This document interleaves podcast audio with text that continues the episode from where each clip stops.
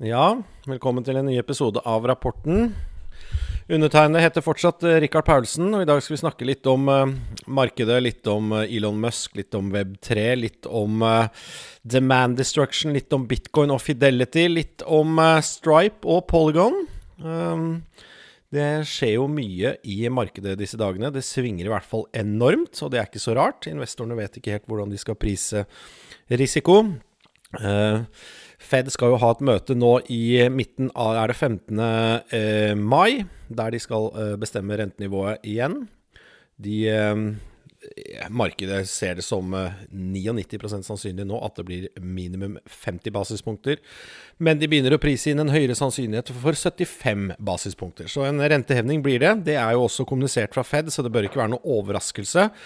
Men eh, det har jo da virkelig fått markedet til å begynne å fluktuere. Folk må justere porteføljene sine, og noen blir nervøse. Noen slutter å spare i aksjer, eller i hvert fall tar seg en pause. Og ja, det er det som skjer. Eh, det hjelper selvfølgelig ikke heller å ha Gaute Eie i avisen som snakker om demand destruction med et alvorlig blikk. Det er eh, ting som får eh, investorer til å holde igjen på pengebruken, og det er vel kanskje lurt når, når ting er usikkert. Man skal, ikke, man skal ikke nødvendigvis hele tiden være i markedet og alltid påta seg høy risiko. Selv om over tid så vil dette kanskje lønne seg. Ser man litt på Apropos risiko over tid. Eh, det var litt artig. Fidelity, eh, som er en av verdens største fondsforvaltere, sammen med Vanguard og BlackRock og lignende, de forvalter en hel eh, underskog av passive fond. Som, eh, som, tilrettelegger for en av de største driverne av aksjemarkedet i verden i dag, som er eh, den amerikanske pensjonssparer. De kan jo spare i såkalt 401K eh, som da som ikke utløser skatt før man tar det ut til pensjon. Og da får man også en stor fratrekk for spareårene osv. Så, videre. så det er i hvert fall slik hva skal jeg si, pensjonssparing har blitt privatisert i USA. Og Det betyr at eh, jo større arbeidsstyrken er, hvor høyere lønn de tjener i USA, hvor mer penger går det inn på aksjesparekontoer hver eneste måned. Dette er fond som igjen er forvaltet av Fidelity, BlackRock, Vanguard osv. Så, så eh, øker arbeidsledigheten, så stopper noen av disse innbetalingene. Og det kan jo da eh, føre til mindre etterspørsel etter aksjer. Men så lenge arbeidssituasjonen er så stram som den er nå, og lønningene stiger, så er det ikke rart at det valser inn med masse cash hver eneste måned fra titalls millioner sparere i eh, USA som sparer til sin pensjon. Fidelity tilbyr nå, og nyheten er som følger at Fidelity nå tilbyr bitcoin-sparing på sine 401K spareplan. Så det er jo ganske interessant. Så da kan du allokere da noen prosent av uh, pensjonssparingen din som du forhåpentligvis skal gjøre fra 20-årene til du langt ut i 60-årene. Uh, og som en langsiktig liten uh, sak. Og hvis dere husker hva jeg sa, nettopp sa om, om, aksjer, og hvordan dette har vært en veldig stor driver for aksjemarkedet de siste 20 årene, etter at, etter at, alle, etter at reglene ble gjort sånn at det var veldig attraktivt å spare i aksjer så kan du, jo, kan du, jo, tenke deg hva som kan skje med bitcoin og kryptovaluta når dette blir inkludert i denne, uh, denne veldig gode ordningen. Så, så, har vi sett at Elon Musk har uh, kjøpt uh, Twitter. Det tok vel en ukes tid fra han la inn et bud til Twitter-styret godkjente at han overtar det.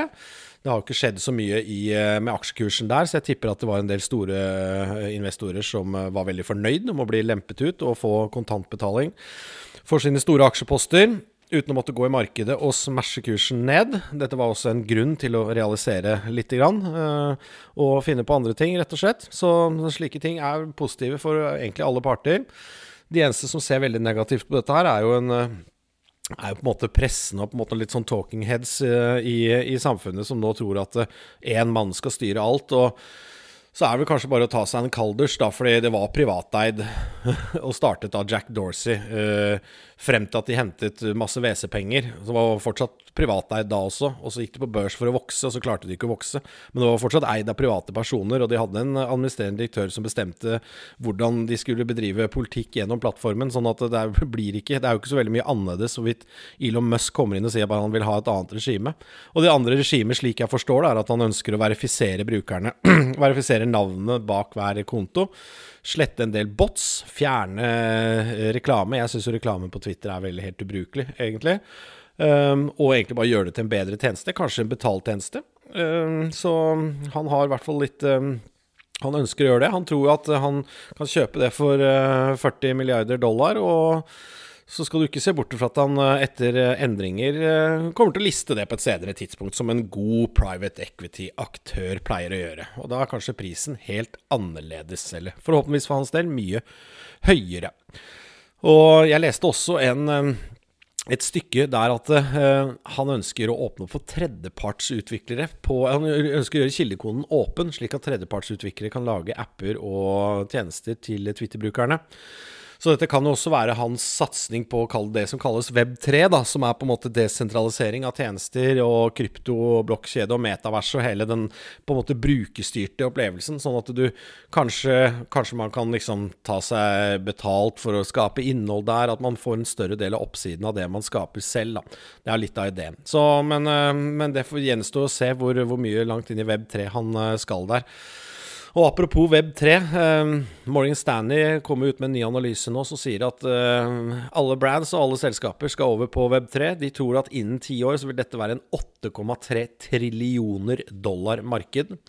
De tror at, eh, at fremveksten av dette er eh, vi aldri har sett sidestykke til i hele verden eller i verdenshistorien. Så, så, her er det egentlig bare å følge med. Eh, ikke vær den personen som blir lei av slike uttrykk. Det er advart mot eh, tidligere. Ikke, ikke liksom vri deg i stolen bare fordi at du, du har så hva skal jeg si, tett eh, toleransevindu at du ikke orker å lese eller høre om et ord mange nok ganger før du blir irritert. For dette er det, det har vel, Skriften har vel aldri vært tydeligere på veggen om hva som kommer. Og ja, det er, vel, det er, vel, ikke vits i å på en måte bare kritisere det for å kritisere det, eller, eller, være skeptisk bare for å være skeptisk. Har du gode argumenter, så kom gjerne med det. Det er det ingen som klager på. Vi så også nå at Stripe, som er en av verdens største betalings... Eh, betalingsformidlere, faktisk online. Vi bruker de i Yesboss. Eh, alle som har brukt det, kjenner til det. Det er en veldig god plattform. Har nå inngått en samarbeid med eh, et kryptoprosjekt som heter Polygon, gamle Matic, som er da en layer 2-løsning som gjør, gjør, det billig med mange transaksjoner. Så de skal da implementere Polygon sitt nettverk i Stripe, som gjør at Eh, sånn et selskap som Jespos kan f.eks. da motta betaling i krypto og betale ut til frilansere i kryptovaluta. Det åpner opp en del spennende forretningsmuligheter, eh, når du bare kan gjøre det ved tastetrykk og eh, hva skal jeg si, det er av verifiserte partnere og med de riktige lisensene og de største aktørene i verden, der på en måte legal risk og compliance risk er, er relativt fjernet. Sånn at det, det tror jeg åpner for veldig, veldig spennende ting. Og litt mot slutten her så tenker jeg faktisk å bare oppdatere litt på kapitalinnhentingen. Vi avslutter den nå 1. mai. Vi ser hva vi klarer å få inn fram til det. Vi har vel nesten 75 av eh, uttalt mål hittil. Så jeg regner med at det blir gode nyheter, at vi kommer oss i mål. Men uh, hvis det er noen som er interesserte, så er det bare å DM meg eller sende en mail på investor at jespos.no. Og hvis du ikke har hørt pitchen før, eh, og du ikke har vært borti selskapet, men du er litt nysgjerrig, så skal du faktisk få høre jeg dra gjennom den akkurat nå. Ja, Jespos er jo en uh, frilansplattform. Det er ikke alle som vet hva en frilansplattform er, men det er da en tosidig markedsplass og En tosidig markedsplass betyr at du har noen som tilbyr tjenester, og noen som skal kjøpe tjenester. Og I uh, Jespo sitt tilfelle så er det uh, bedriftstjenester. Alt du trenger for, uh, for å vokse. Det er design, tekst, alt fra logo, nyhetsbrev, alle, alle, ting som du har i innholdsproduksjon. Du har programmering og utvikling for å lage plattformene. Du har salg ambassadører, møtebookere, alt for å vokse businessen din. Og så har du eh, muligheten til å kjøpe tjenester innen økonomi og juss, som er fundamentet for at bedriften skal være en god bedrift. Så det er en tosidig markedsplass som tilbyr da eh, slike bedriftstjenester til eh, nå primært det norske eh, markedet. Men hvis vi tar hodet litt, eh, litt uh, høyere opp og ser litt på, på, på, hvordan det ligger an i verden Det er en frilansboom der. Vi kaller det gig-økonomi.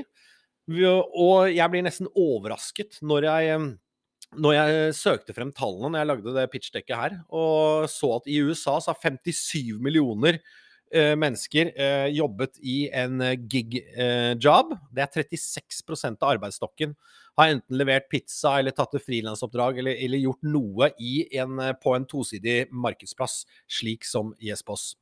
I Europa ligger dette på 20% og i Norge så ligger det ca. på 16% Det vil si at vi har et stort potensial til å bevege oss opp til der de andre landene ligger. Husk at 70% av frilansere bruker digitale plattformer for å finne arbeid. Det er, det er sånn du kobler uh, din, uh, si, din uh, tjeneste som du tilbyr, med, med, oppdragsgivere. Det er jo på digitale plattformer. Og Grunnen til at vi satser på, på Norge først, er at det er både pga. språk, fordi vi har lokale tjenester, men vi ser jo på Norge som mulighetenes land. Da. Vi, er, vi ligger under på på antall uh, På prosentvis uh, antall uh, gig workers, og vi tror dette kommer til å bevege seg nordover. Men det er jo ikke smått i Norge. Det er faktisk 80 000 nordmenn som lever av dette på heltid. Det er 322 000 nordmenn i 2020 som har gjennomført ett frilansoppdrag eller mer, som har fakturert for et frilansomdag. Og vi tror jo da at uh, frilansmarkedet i Norge når 50 milliarder norske kroner uh, i 2022. Og så kan vi se litt på eh, konkurransesituasjonen til eh, Jespos. da. Du har plattformer som Upwork og du har noen norske modeller, men vi kan ta for oss Upwork. De har på en måte revolusjonert frilansarbeidet på en global basis. De tilbyr billige tjenester fra Sørøst-Asia til vestlige kjøpere. Uh, gjerne innen programmering, på, som går uh, relativt hurtig, men det er en del snags der for det. Det er lange ansettelsesprosesser. Du får mange kandidater å velge mellom. Og på et lite oppdrag på la oss si 3000 kroner eller 300 dollar, så er det ikke gitt at du har lyst til å søke gjennom 30 henvendelser eller CV-er bare for å plassere det oppdraget. Det er ofte en forhandlingsprosess som eh, jeg har aldri opplevd at de kan starte med en gang. De, eh, det er ofte timings-scheduling-problemer som gjør at det de, det kommer frem i tid. Du Alt er på engelsk, og det skjønner jeg, for de ønsker å skape et større internasjonalt marked. Men da kan de også bare gjøre det på de tjenestene som er tilpasset det internasjonale markedet.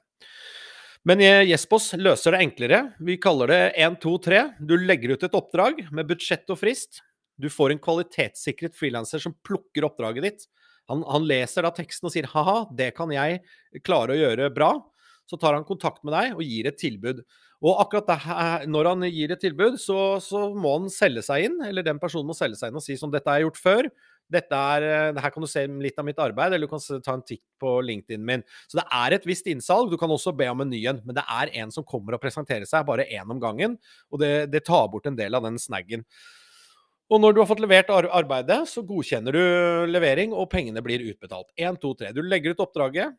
En frilanser tar kontakt, og så kan du eventuelt godkjenne oppdraget når det er ferdig, og gi en rating, og så er du ferdig. Det går veldig enkelt. Og plattformen er allerede i gang. Vi betalanserte i eh, tidlig desember. Uh, vi har testet alt det tekniske som nå vi mener er veldig bra, så vi er på vei ut av beta. Vi har 284 uh, eh, nå verifiserte og kvalitetssikrede frilansere på plattformen. Uh, antall oppdrag vokser ca. 10-15% i måneden. Og i mars satte vi rekord på én dag da vi gjennomførte ti oppdrag. Det største oppdraget som har blitt lagt ut på plattformen, er på 250 000 eh, kroner. Så, så ting pilene peker oppover. Vi har fornøyde kunder. Uh, vi, har, uh, vi, har, samlet inn, og de har vært villige til å stille opp. Så både på hjemmesiden og på pitchdekket så kan dere se hva både frilansere og reelle kunder av plattformen sier om plattformen. Så vi, vi, som jeg nevnte innledningsvis, så har vi jo fokusert på noen kategorier som vi nå samler i tre, tre, hovedbolker. Som vi kaller kreativ, som er alltid kreative. Design, logo, tekst, uh, bilderedigering, video osv. Det er uh, kreativt. Så har vi det som vi kaller proff, som er økonomi og juss. Det er profesjonsstudier. Det er de som kan et fag på et høyere nivå. Og så har vi vekst, som er da salg, markedsføring, ambassadører, møtebookere osv. Vi tror at hvis du knytter dette sammen, så får du en uh, vekstmotor. Og da vil jo salg være en nøkkeltjeneste. Men uh, vi tror jo at ved å bruke riggen vår, da, så kan du eh, Du kan gå inn og egentlig ikke ha noe i salgsapparatet ditt. Du kan eh, da leie personer på Jespos til å eh, lage prospelister eller researche markedet. Du kan leie noen til å lage salgsmateriell. One-pagere, eh, websider, eh, åpnings-e-poster, eh, masse informasjonsskrive osv. Og så kan du leie selgere til faktisk gjennomføre salget. Så fra å ha null så kan du ha, ha en god eh, salgsorganisasjon med materiell oppe og gå på, på, under en uke ved å bruke Jespos. Og det, det, du, det, som skjer da, at du, eh, du øker jo long term value på eh, på, på ved å, ved å, på en måte knytte dette her sammen, så, og du får, en, eh, du får et, et, større bruk av det. Vi får mer retention, for de kommer tilbake for de har ufylte oppgaver som de trenger å gjøre når de f.eks. skal gjøre en, en, større strategi, sånn som uh, salg. Det øker også omsetningen vår. Og vi tror at det også det sprer seg i, i forhold til word of mouth, fordi det er flere involverte parter som gjennomfører uh, oppdraget. Så målet med, med, å samle dette til en vekstmotor er å øke etterspørselen og måned for måned, rett og slett. Vi skal bare øke businessen veldig godt. Så da har vi vært igjennom det. Eh, jeg bare tar, gjentar det én gang, så, så, man får det virkelig til. Man kan eh, gjøre research og lage prospektlister. Man kan liksom begynne på null. Så kan man lage salg- og markedsføringsmateriell. Og så kan man bruke det til å, å leie selgere og ambassadører. Så liksom, da, da har du, du, har en salgsorganisasjon gjennom uh, Jespos uten å ha noe fra før av. Hvis det funker, så kan du bruke det mer. Du kan utvide. Hvis det ikke funker, så kan du legge ned. Liten risiko, stor oppside. Og litt om vekststrategien i 2022. Eh, nå i andre kvartal, som vi er inne i nå frem til sommeren, så, vi, så, lanserer vi denne vekstmotoren. Det er en del eh, både innhold, landingssider og sånn som kommer på plass i disse dager. Vi har allerede gjennomført det med flere kunder, men vi skal strømlinjeforme den sales funnelen som dette blir. Eh, I Q3 så lanserer vi rett over sommeren så lanserer vi en storsatsing på bedriftsavtaler. Da de pengene vi henter nå, skal gå til å ansette og rigge oss for skikkelig B2B-salg. Vi har sett at etterspørselen der er stor. Da kan man bli fakturakunde og bruke hele riggen på en annen måte. Og så skal vi bruke fjerde kvartal til å skalere og ekspandere. Så det er det som kommer til å skje. Vi er veldig tydelige på planen vår, og vi kommer til å øh, eksekvere på det.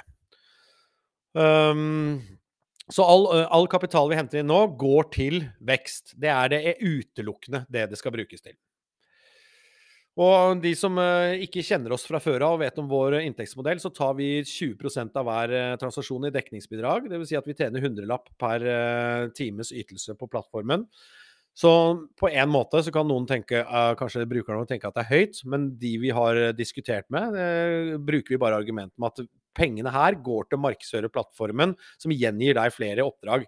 Og må huske at vi, når vi gjør bedriftsavtaler og partnerskap, så, så gir vi også rabatter ikke sant? og kickbacks og sånne ting. Sånn at vi må ha noe å jobbe med. Hvis vi ikke har noe å jobbe med, så kommer det ikke til å vokse. Det er den feilen mange andre plattformer der ute har gjort, etter mitt syn. At de har tatt for liten margin og ikke har penger nok til å vokse. Og det er ingen som har lyst til å være på en plattform som ikke er eh, på vei nordover. Og så litt uh, avslutningsvis så, så, tror jo vi at uh, ved å uh, Ikke sant? Ved å skape en god, god, plattform som vokser, som på en måte er Som lykkes i dette markedet, vil også bidra til å skape et større marked. Vi tror jo at næringsdrivende liksom At flere og flere kommer til å bruke frilansarbeid fordi Espos lykkes. Fordi de kan løse flere oppgaver, de kan vokse raskere. Og de kan bruke det til mye mer enn hva de har gjort uh, tidligere. Vi tror at det vil skape en positiv moment for hele markedet som helhet. Og Det samme med, med frilansere. Det, det, kommer til å øke antall mennesker som har lyst til å jobbe som frilansere. fordi på Jespo så kan de jobbe anonymt. Dvs. Si at du kan jobbe ved siden av du har en normal uh, stilling. Eller du kan jobbe når du, hvis du ja, har noe som hindrer deg fra å vise navnet ditt, altså utsatte grupper eller lignende. Um, du kan få rating, du kan unngå CV-hull. Dvs. Si at vi tilbyr å skrive CV for deg hvis du har jobbet eh, for på plattformen. Og du kan eh, øke inntekten din. Så enkelt er det, med at det er stor, eh, mange oppdrag der. Så nå ekspanderer vi i eh, Norge. Vi prøver å, å, lykkes best mulig der før vi går til andre land. Men det kommer ikke til å gå til engelskspråklige land, for dette er et lokalmarkedplattform. Går vi til Sverige, så blir det en svensk plattform med svenske arbeidere der. For de produktene man tilbyr på plattformen, er er språkmessig avhengig av et lokalmarked. Det er eh, tekst, det er eh, til dels design, er eh, litt lokalt faktisk, tro det eller ei. Økonomi og juss er veldig lokalt selgere og ambassadører er veldig, veldig lokalt.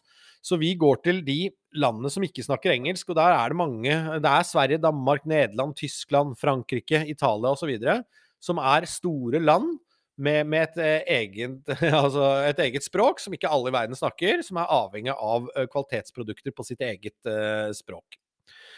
Vi har, et, vi har, et, godt team, vi har et godt styre. Vi, alt dette kan dere se på pitchdekket. Jeg anbefaler dere å gå inn og, og se på den, eller spørre meg om, om, å få den tilsendt. og Da kan dere også se aksjeeierboken. Så det var en liten uh, Det var pitchen. Hva syns dere? Det, fungerer den som den er, eller ikke? Nå prøver jeg å crowdsource litt tilbakemeldinger. Så håper jeg dere likte episoden, og så setter vi i gang denne uken her og, og prøver å gjøre noe bra. OK, takk for meg.